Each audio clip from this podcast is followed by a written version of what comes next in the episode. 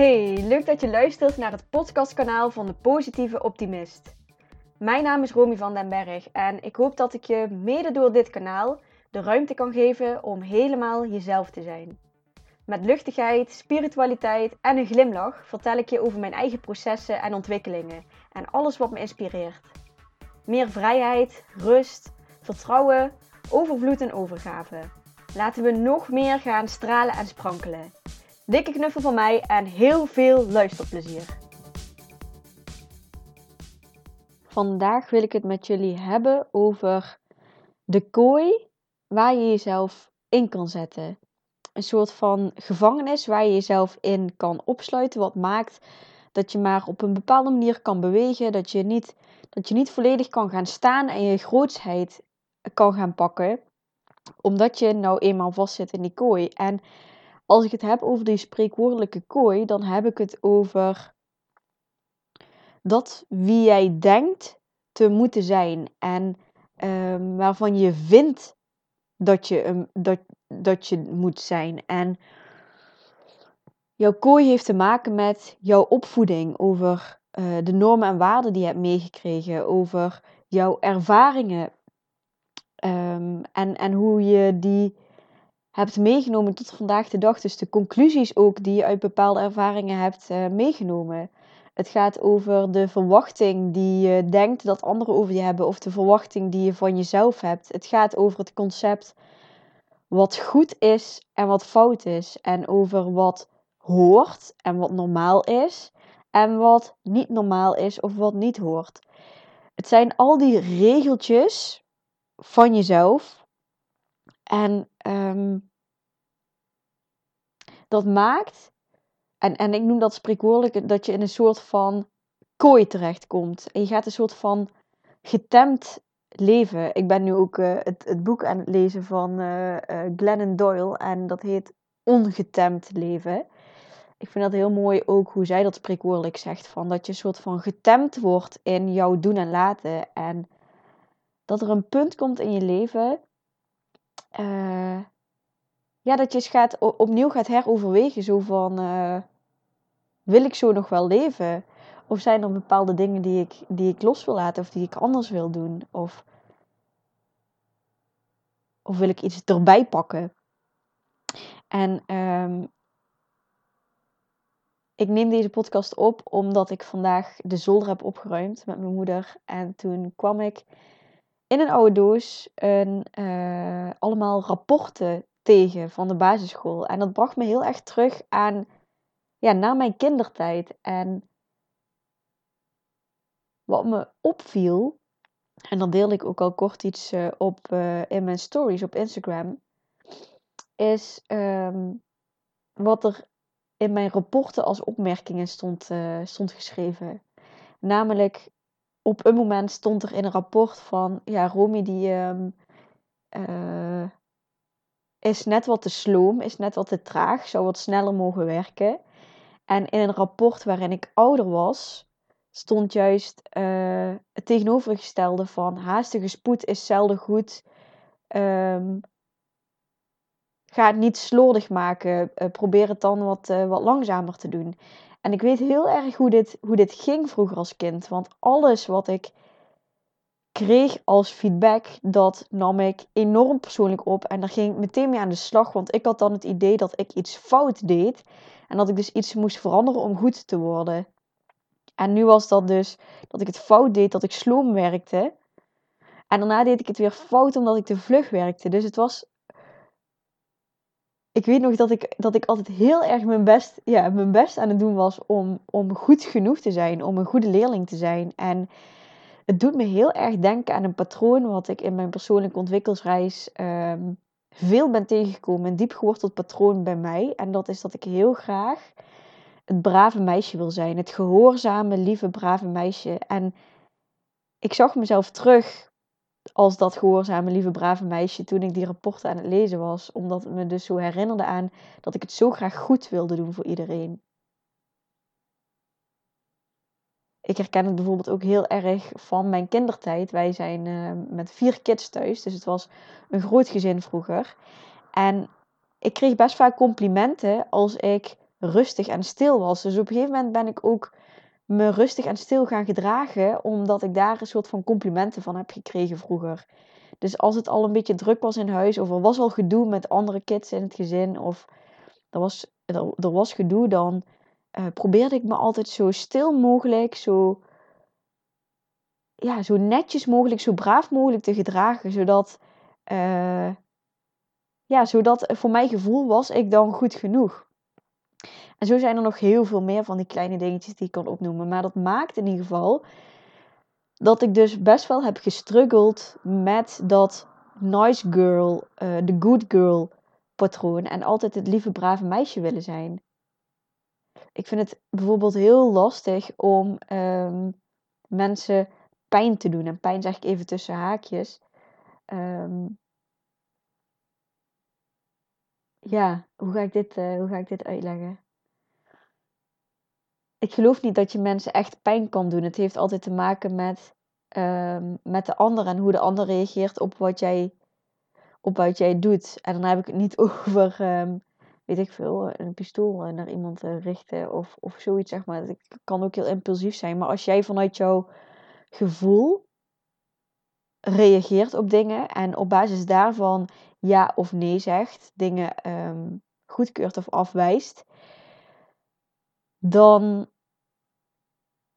geloof ik dat dat altijd ook wat te maken heeft met de ander, omdat je toch een soort van verbonden bent met elkaar. En ik geloof dat ons gevoel en intuïtie verbonden is met elkaar. Dus dat heeft dan ook altijd iets met de ander te maken waar, waarom jij op een bepaalde moment nee moet zeggen of, of iets moet afwijzen.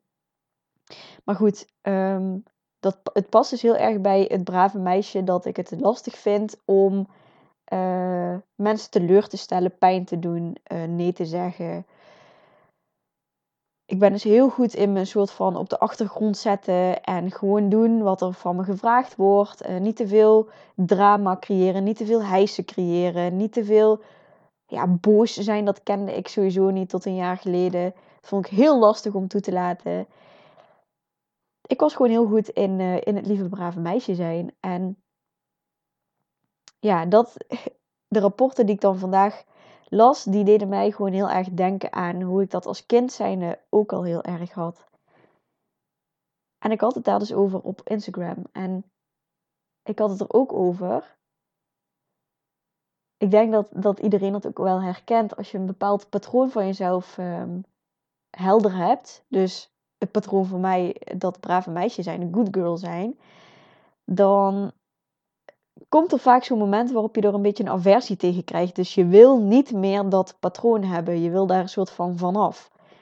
En uiteindelijk heb ik, heb ik dan geleerd, kom je, kom je in een nieuwe fase terecht waarin het juist de kunst is van het omarmen en accepteren dat er een deel van mij is wat heel graag lief uh, gevonden wil worden en wat heel, het heel graag goed wil doen voor mensen. En op het moment dat dat niet hoeft te veranderen en dat ik er niet tegen hoef te vechten, en het deel wordt gezien en, en je kijkt het deel aan en het wordt niet onderdrukt of, of, of weggeduwd, maar je geeft dat deel gewoon ruimte om er te zijn in jouw systeem, dan is het vaak ook al minder aan het trekken, aan het roepen, aan het schreeuwen, juist omdat je het al die aandacht geeft. En uiteindelijk zijn we alles, weet je? En hoort, hoort dat brave, dat brave stuk ook gewoon bij je. En dat is ook het mooie, dat je, dat je uiteindelijk ook niet hoeft te kiezen wie jij moet zijn. Of wie je wil zijn, omdat je het gewoon allemaal bent. En zo probeer ik wel, omdat ik weet dat het brave meisje mij heel gemakkelijk en goed afgaat en, wat al jaren in mijn systeem zit, probeer ik mezelf wel uit die comfortabelheid te trekken en uit wat het bekende gebied. En het gebied waarin, uh, waarin minder uh, angsten om de hoek komen kijken omdat ik het ken, zeg maar. Het is echt een beetje een ego-comfortzone. Um, ik probeer me daar dus wel uit te trekken door wat meer vurige, rebelse dingen te doen. Om mezelf wat uh, extremer weg te zetten in plaats van zo'n ingetogen stil, stille meisje. Stille meisje. Zo, het gaat lekker met de woorden vandaag. Um, ja, dus ik probeer mezelf wel in andere rollen te zetten. Om andere delen van mezelf ook omhoog te halen. Dus om wat meer sensualiteit te laten zien. Om me wat meer, um, wat meer seksualiteit los te laten in mijn leven. Om wat meer vurigheid en, en power en kracht in mijn leven te krijgen. En het mooie is dus dat dat in eerste instantie dan gaat. Dat je dat heel graag wil en dat je het andere deel niet meer wil. En dat ik vandaag dus zo erg stilsta bij die conclusie van dat het er allemaal mag zijn en dat het allemaal welkom is. En dat het allermooiste is wie je kan zijn, vind ik, is alles.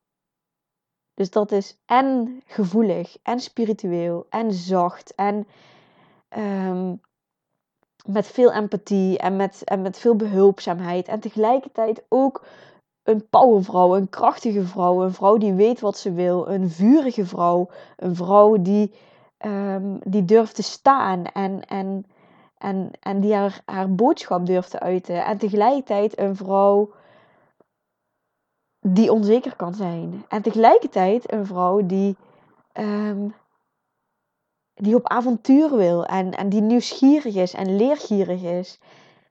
Het is zo mooi als, als alles er mag zijn en dat je dus niet voor jezelf bepaalt wat wel of niet mag. En dan kom ik weer terug op wat, waar ik het in het begin van de podcast over had. Dat je, dat je al die regels schrapt en dat je gewoon dat je weer die ruimte krijgt, die vrijheid krijgt om echt te zijn wie jij wil zijn op dat moment. En,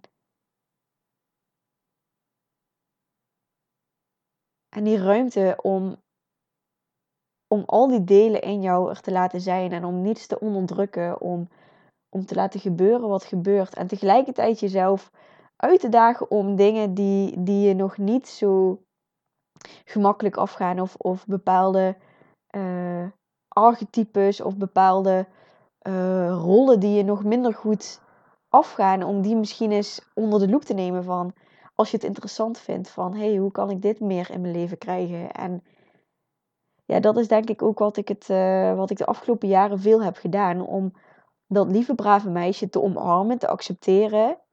En tegelijkertijd andere delen van mezelf die een soort van tegenover dat lieve brave meisje staan, wat meer op te roepen. Dus iets meer die rebelsheid en die vurigheid in mezelf op te roepen.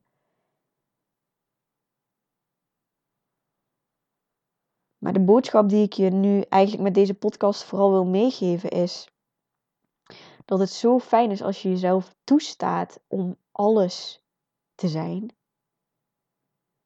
Jezelf zijn zonder regeltjes, zonder je vast te klampen aan een bepaald imago, zonder te hoeven kiezen tussen het een of het ander, zonder iets te bestempelen als goed of fout, zonder dat je